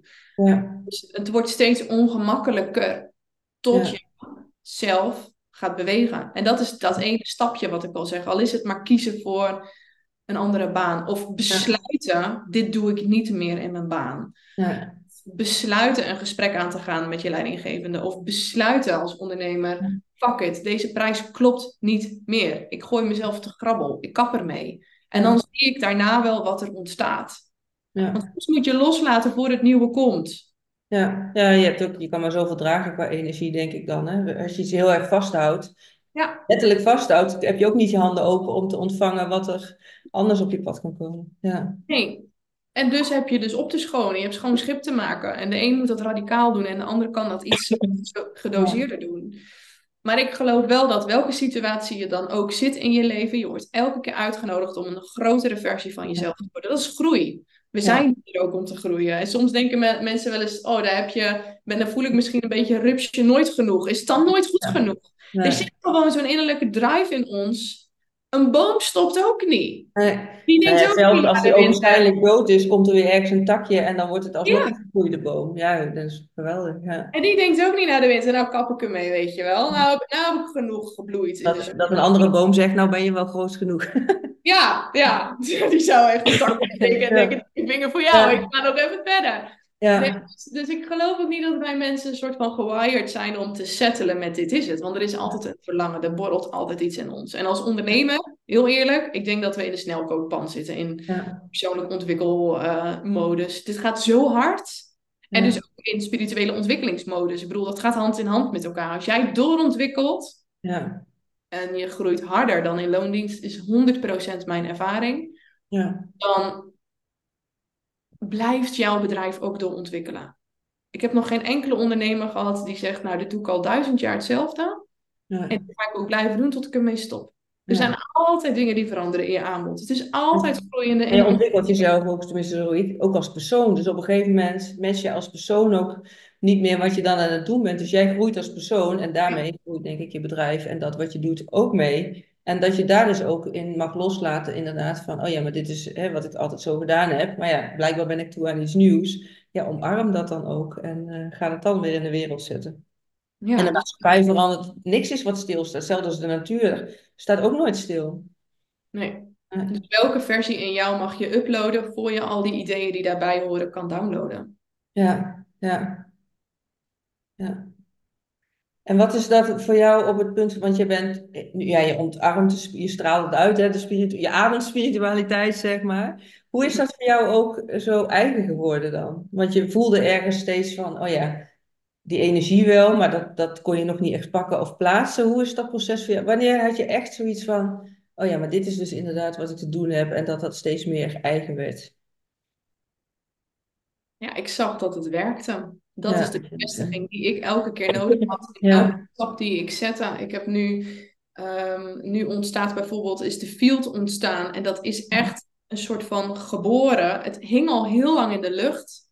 En elke keer voelde ik, het klopt nog niet. Kan je dat, kan je dat gevoel, herken je dat als ondernemer? Dat je voelt, er komt iets, maar het klopt nog niet. Het is er nog niet helemaal. Ik heb nog niet alle puzzelstukken. Tot ik dus voelde, de laatste keer dat ik mijn product lanceerde, Evolve, een training die mensen kunnen volgen om dit te leren, om dit te ervaren eigenlijk. Want het is niet echt leren, het is voelen en zelf kijken hoe werkt het voor mij. Toen voelde ik daar nog een bonus bij en dat is een live dag. En ik had echt al, ik denk al vier jaar geen live dag gegeven. Laat staan voor een grote groep een live dag gegeven. Toen dacht ik ook nog, hoe ga ik dit doen, weet je wel, met meer mensen? Kunnen al die mensen in, in dezelfde bubbel toch hun eigen proces doorlopen? En ik heb die dag gedaan, ik denk eind januari. En pas toen voelde ik, en dit is mijn laatste puzzelstukje, want ik voelde hoe krachtig de energie in de ruimte was. Ja. Hoe alle mensen bij elkaar energie leverden, maar iedereen in zijn eigen bubbel daardoor in een hogere energie zijn eigen proces kon doorlopen. Je, met elkaar verhoog je de frequentie natuurlijk. Tenminste, ja, ik zeg natuurlijk, maar ja. Ja, precies dat. Ja. En het was zo magisch. En toen had ik de laatste puzzelstuk te pakken. En toen kon de field geboren worden. En dus, ik weet eigenlijk niet hoe we er nu op komen. Maar dat is dus eerst voelen en zien. Ja. Dat is het. Voelen en zien wat in mijn geval, wat doet deze dag met meer dan 20 mensen? Hoe werkt dit? Kan ik dit? Kan ik dit in energie dragen? Kan mijn veld sterk genoeg zijn om die mensen te ontvangen? En daarna dus te horen, oh my god, Tess, dit was echt zo waanzinnig. En ik hoorde daarna berichten van mensen dat ik dacht, heb jij dit allemaal beleefd op die ene middag? Ja, dat je... zo in jouw eigen bubbel. Ja. Oh. Maar dat je dus eigenlijk van tevoren niet kan bedenken wat voor impact het heeft voor mensen. Nee, het kan niet. Ja, nee. En voor mij werkt het dus zo om dat te kunnen zien, om het zelf te kunnen voelen. Ik probeer het uit. Het kost gewoon nog even niet zoveel, want het is voor mij ook een soort van try-out. En daarna is het deksel eraf en dan kan ik door. Ja, ja dat is inderdaad ook mijn vraag van hè, hoe ben je dat echt meer die spiritualiteit gaan omarmen en daar helemaal voor kunnen gaan staan. Dat je zegt, nou, ik probeer het uit, ik zie dat het werkt. En dat helpt dan weer om het nog weer groter neer te zetten. En, uh, en mijn eigen proces in spiritualiteit en het dragen van groepen is, de laatste, is het laatste jaar heel erg gegaan over, oké, kan ik grote groepen ook dragen zonder dat ik er zelf vier weken af lig? Kan ik het zo dragen? Welke hulpbronnen kan ik inzetten die mij helpen om een goed en krachtig veld neer te zetten? Waar iedereen op zijn eigen tempo in zijn eigen proces kan groeien, maar wel in een bepaalde versnelling, omdat de frequentie zo hoog is. Ja. En nu zie ik, ik kan dit. Ja. Eerder, dit twee jaar geleden zou moeten doen, oh my god, ik kon hier thuis, was ik twee weken onaanspreekbaar geweest. Ja. Maar dat is dus ook in het kader van thuiskomen bij jezelf. Heel goed kijken, wat heb ik zelf nodig? Om hier niet uit leeg te lopen. En hoe kun je daar een vorm in vinden. En dat, daarmee experimenteren, maar ook voelen wat je te doen hebt. En daar dus nu ook ja, ervaren hebben dat dat kan. Waar je misschien eerder dacht van ja, daar loop ik op leeg. Of die ervaring hebt gehad. Dat je daar ook door je eigen ontwikkeling weet van wat wel of niet kan en past. En wat je te doen hebt. Dat je dat ook weer kan dragen. En daardoor dus ook weer anderen mee kan helpen. Ja. Ja, en, en ook mijn proces is nooit klaar. Want ik leer dus ook steeds verder hoe kan ik nog meer met energie werken? Hoe kan het mij nog meer dienen, waardoor het de groep kan dienen? Dus ook dat proces. Ik geloof dat ik nog nooit zo dicht bij mijn zielsmissie geweest ben als nu. Maar wat ik al zei, vraag het me over vijf jaar. En dan ja, dan ik, oh, nog weer Weet Ja, je nog, die keer in februari 2024 dat we elkaar spraken en ik dacht dat ik er was. Nou, nu ja, ben ik echt nog dichterbij. ja. Ja. Maar dat is toch het hele mooie van, van zo'n reis. Van, het is al geweldig waar ik nu sta en alle stappen die ik heb gezet en wat er allemaal op mijn pad komt. Maar hoe geweldig, waar zou ik over een jaar of over vijf jaar Dat ik, ik eigenlijk zo eager ben dat ik denk, ook zou er eigenlijk nu ergens al willen zijn. Alleen maar om te ervaren wat ik er dan is. Terwijl ja, het hele proces is natuurlijk hartstikke mooi om mee te gaan. Maar je kan het gewoon niet bedenken met je hoofd. Omdat het zoveel groter is dan, nou ja, wat je überhaupt kan bedenken volgens mij. Als je je daarvoor openstelt. Wat je wel zou kunnen doen, en dat is voor jou om eens uit te proberen, maar dat kunnen ook mensen die nu luisteren proberen, als ze voelen van hé, hey, ik, ik, ik, ik, die Tess, ik geloof het wel wat ze zegt als je denkt, Jezus, die is echt hartstikke gestoord. Ja. Dan denk ik niet dat je dit moet proberen, dat is ook helemaal goed. Maar wat je zou kunnen doen, ik denk dat dat heel leuk is om uit te proberen, is om zelf een soort van opstelling in de ruimte te doen waarop je dus je plek pakt waar je nu staat. Dat is de, de- dat is de persoon, in jouw geval de Sonja die je nu bent. En wat zou er gebeuren op het moment dat je op je hogere tijdlijn gaat staan? En dat je Ja. oké, waar in de ruimte is dat? Vaak is dat één of twee stappen van je verwijderd. En dan echt eens gaat voelen, oké, dit is dus de versie die in mij zit, die eruit gaat komen en kan gaan Ja. komen. Wat voel ik op die plek? Ja, Want hoe meer je gewoon wordt op die plek, hoe makkelijker je die versie gaat worden. ja zeker. En in het begin ga je misschien wiebelen. Of ga je buikpijn krijgen. Misschien ben je wel gelijk in je element en begin je gelijk te stralen als een of andere vuurtoren die op hol geslagen is. Maar hoe lekker als je dan vanuit die energie kan gaan Ja, doorborduren. Want daar komt iets vrij in jou, wat jij dus door mag geven in je bedrijf. Dat je mag gebruiken als ondernemer. Wat je gewoon in je leven mag gaan vlechten. Nou ja, en dat je ook echt kan intappen op dat vertrouwen en op die energie, waar je, waardoor je dat ook, ja, dat, dat ervaar ik ook al wel hoor. Maar wat ik ook dan denk van, door dat in die energie te stappen, zeg maar, dat er zoveel grootste dingen op je pad komen, dat je dus inderdaad niet weet waar je over vijf jaar staat, omdat je, ja, dat is gewoon bijna niet te bevatten wat er dan allemaal mogelijk is. Ja, Maar dat is wel heel erg, want het, dat, ik doe dat dan onder andere ook wel met quantum jumps, met meditaties, zeg maar, van ja, op die andere tijdlijn, zeg maar, te stappen. En wat er dan ook aan ideeën of beelden naar voren komt. Nou ja, ik, ik zei eerder, van, dit is nu een podcast, maar voor, mij- voor mij wordt dit een, eh, een succesvolle eh, talkshow, zeg maar. Ja, dat voel ik aan alles, dat dat... Dat gaat gewoon gebeuren. En ik spreek het nu ook uit, want dat is ook iets wat ik eerder dacht. Ik weet niet of jij dat herkent van in het begin, ja, dat soort dingen spreek ik aan. Wat als het niet lukt of wat vinden anderen ervan? Nee, dit is gewoon wat, wat ik voel dat er gaat komen en wat onlosmakelijk ja, er straks staat. Geen idee hoe en wat en in welke vorm. En, maar ja, op het moment dat ik het ook niet uitspreek of mensen het niet weten, dan wordt het ook weer kleiner. Of dan hou ik mezelf kleiner. Terwijl misschien luistert er wel iemand die denkt, oh wacht even. Dan kan ik je nog wel ergens in, in bijstaan of er komen weer andere ideeën. ik denk dat dat het uitspreken van bepaalde verlangens en dromen, ik weet niet hoe jij erin staat, ook wel belangrijk is om jezelf daarin serieus te nemen. Zeker. En allereerst jezelf daarin serieus te nemen. Dus als uitspreken lastig is, doe het dan al schrijvend. Of zit Ja. in de auto en heb een gesprek met God of het universum. Of Ja. met of met je spirit team. Of met hoe het voor jou het, het fijnst voelt. Heb een gesprek en zeg wat je wil. En zeg wat je voelt. Ja. En zeg waar je heen wil. Want dan word je wel gewend aan het uitspreken. En aan jezelf dat ook horen zeggen. Want Ja.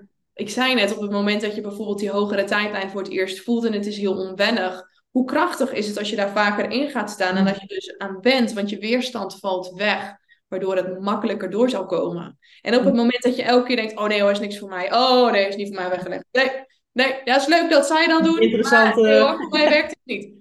Dan blijft het dus letterlijk Ja. ver van je bedshow. Je duwt het letterlijk. Terwijl het wel in je dat is hetzelfde als dat, je, dat, mensen ook vaak zeggen, ja, hè, ooit wordt het wel succesvol. Of eh, ja, nee, als je blijft zeggen, het Ja, blijft ooit, het. ja, dan is het inderdaad, blijft het in de toekomst. Dus het is ook om echt voor te gaan staan dat het er is, dat het gaat gebeuren. Maar niet ooit, maar gewoon nu. Ja. Dat, ja, dus ook de regie nemen over en het ja, naar je toe trekken in plaats van maar van je af blijven duwen. Ja. En volgens mij zitten we al een aardig tijdje eh, lekker aan het kletsen. Waar kunnen mensen jou vinden? Als ze inderdaad denken van, ja, maar Tess, daar wil ik inderdaad meer van weten. Of ik wil Ja. via een DM of wat dan ook eh, kijken. Of, nou ja. wat het ook is wat ze van je willen weten, waar kunnen ze terecht? Nou, ze kunnen, je kan me vinden op Instagram, gewoon op mijn naam, Tess Vliers. Op LinkedIn kunnen we ook uh, verbinden als dat je plek is. Um, mijn website is tessvliers.com. Daar kan je die gratis masterclass doen waar jij het net over had. Gra uh, energetisch communiceren met je bedrijf. Dus ook een hele toffe van, ik denk denk dat je anderhalf uur bezig bent. Als je op pauze zet en gaat meeschrijven. Ja, eh, misschien nog wel als je echt uh, inderdaad, je moet proberen dat je niet te lang uh, gaat nadenken, maar gelijk gaat schrijven. Maar zeker anderhalf uur ben je wel. Maar ja, wel heel bijzonder inderdaad. Ja. ja, dus daarin kan je gewoon dus altijd snuffelen. En dan kan ik je helemaal meenemen in dat hoe ga je je goed verbinden met je bedrijf. Dus dit is echt leuk voor de ondernemers. Ja. En uh, ja, als je verder wil samenwerken, kijk dan zeker eens op mijn website, want dat kan via de field en er zijn verschillende opties hoe jij uh, in de field kan, uh, kan duiken. Het veld van potentie. Ja, en je podcast heb je natuurlijk ook nog. En mijn podcast, die zou ik bijna vergeten. Ja, als je denk ik gewoon testvliers intikt, dan kom je ook bij mijn podcast. Ja. Nou, ik zal in ieder geval alle gegevens ook even in de show notes zetten, dat mensen er ook even rustig kunnen terugkijken of daarop kunnen klikken gewoon om bij jou terecht te komen. Ja, we hebben heel veel besproken. Je eigen ontwikkelreis daarin en wat je nu doet, maar ook nou ja, een visie van hoe je in het leven staat uh, daarmee, denk ik ook.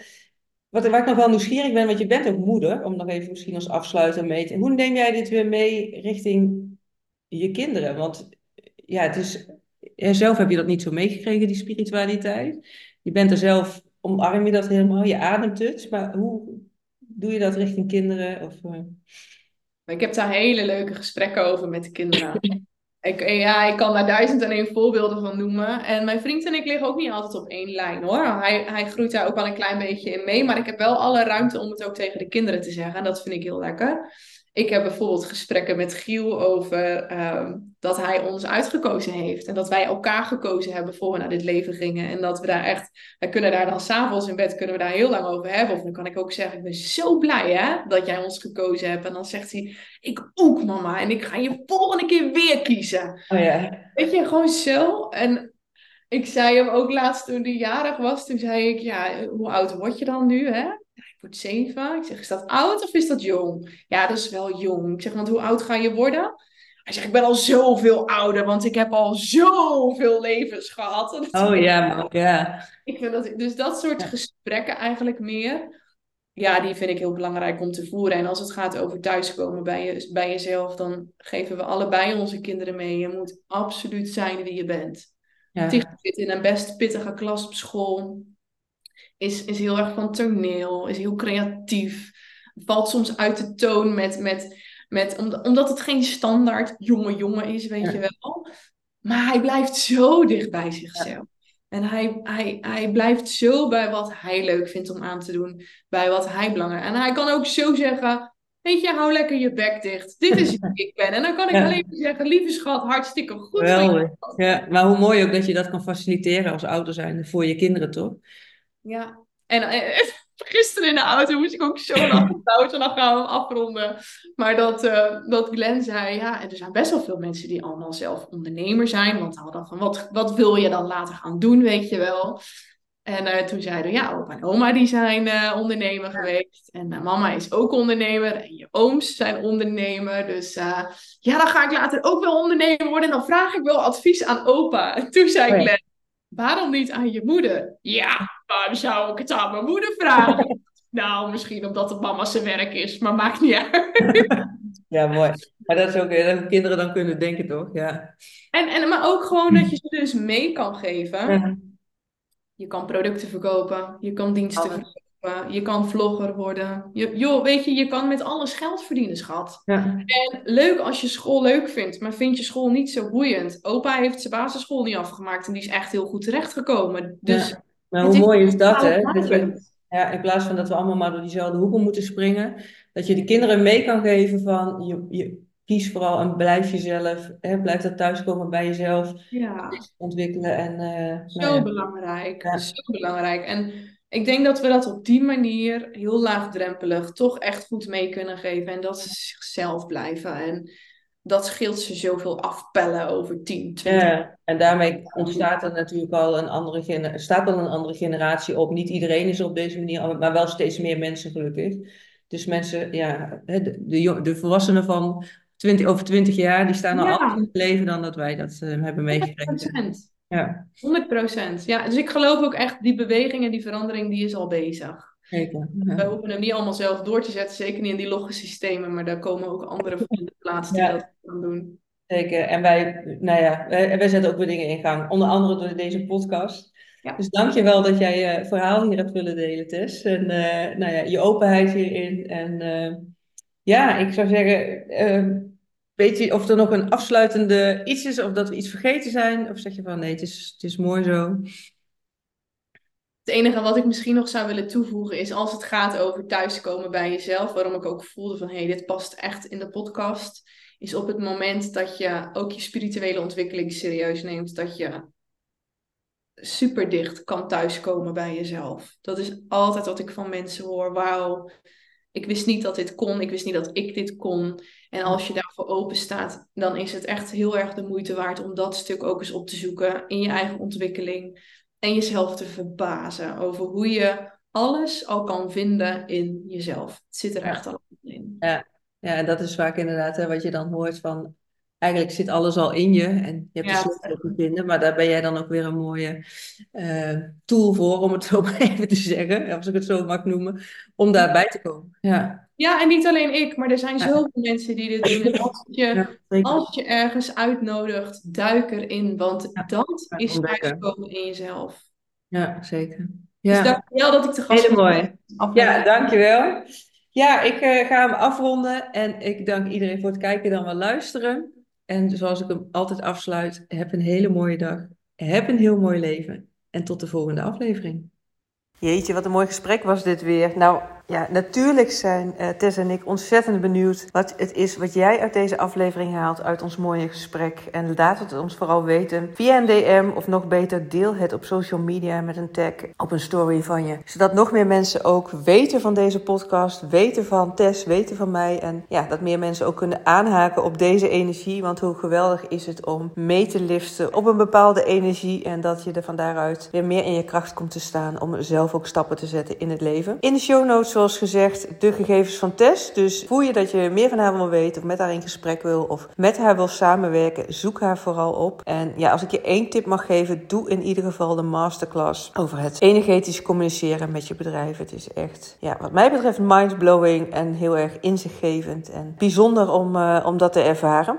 En op het moment dat je denkt van, hé hey Sonja, ik wil meer van jou weten, ik wil met je samenwerken, bijvoorbeeld om de grootste dromen die jij hebt in de wereld te gaan zetten, of om in ieder geval je hart te gaan volgen in plaats van je hoofd, stuur me dan een DM of mail me naar info.sbkl.nl, want dan plannen we op korte termijn een kennismakingsgesprek om ja, echt te zorgen dat 2024 jouw mooiste jaar wordt en dat het de opgestapt gaat zijn van jouw mooiste leven. Geen droom of idee is te gek of te groot. Alles kan en mag er zijn. Zoals ik zelf ook deelde, dat ik voel dat deze podcast groter wordt en dat het ja, een talkshow gaat worden, of in ieder geval iets in, lijn met die energie. Dat is ook waarin ik met jou werk om het naar boven te krijgen. Wat die verlangens voor jou zijn, wat je doelen zijn, wat je neer wil zetten in de wereld. Dat je je niet laat afschrikken door wat je er misschien zelf van vindt of wat anderen ervan vinden. Hè? Of het misschien te gek is of te groot is of raar. Of wie ben jij om dat überhaupt te bedenken? Nee. Dat wat jij in je systeem krijgt, waar Tess en ik het ook over hadden, dat is iets wat in de wereld gezet mag, dan wel moet worden. Ja, en ga daar in vertrouwen voor staan. En dat is precies waar ik jou mee help, mee begeleid en coach, in spiegel, in mentor. Nou ja, noem het allemaal maar op. Ja, ik kijk ernaar uit je te ontmoeten. Ik zou zeggen, tot snel. Voor nu wens ik je in ieder geval wederom een hele mooie dag en een heel mooi leven toe. En ik spreek je graag in de volgende aflevering.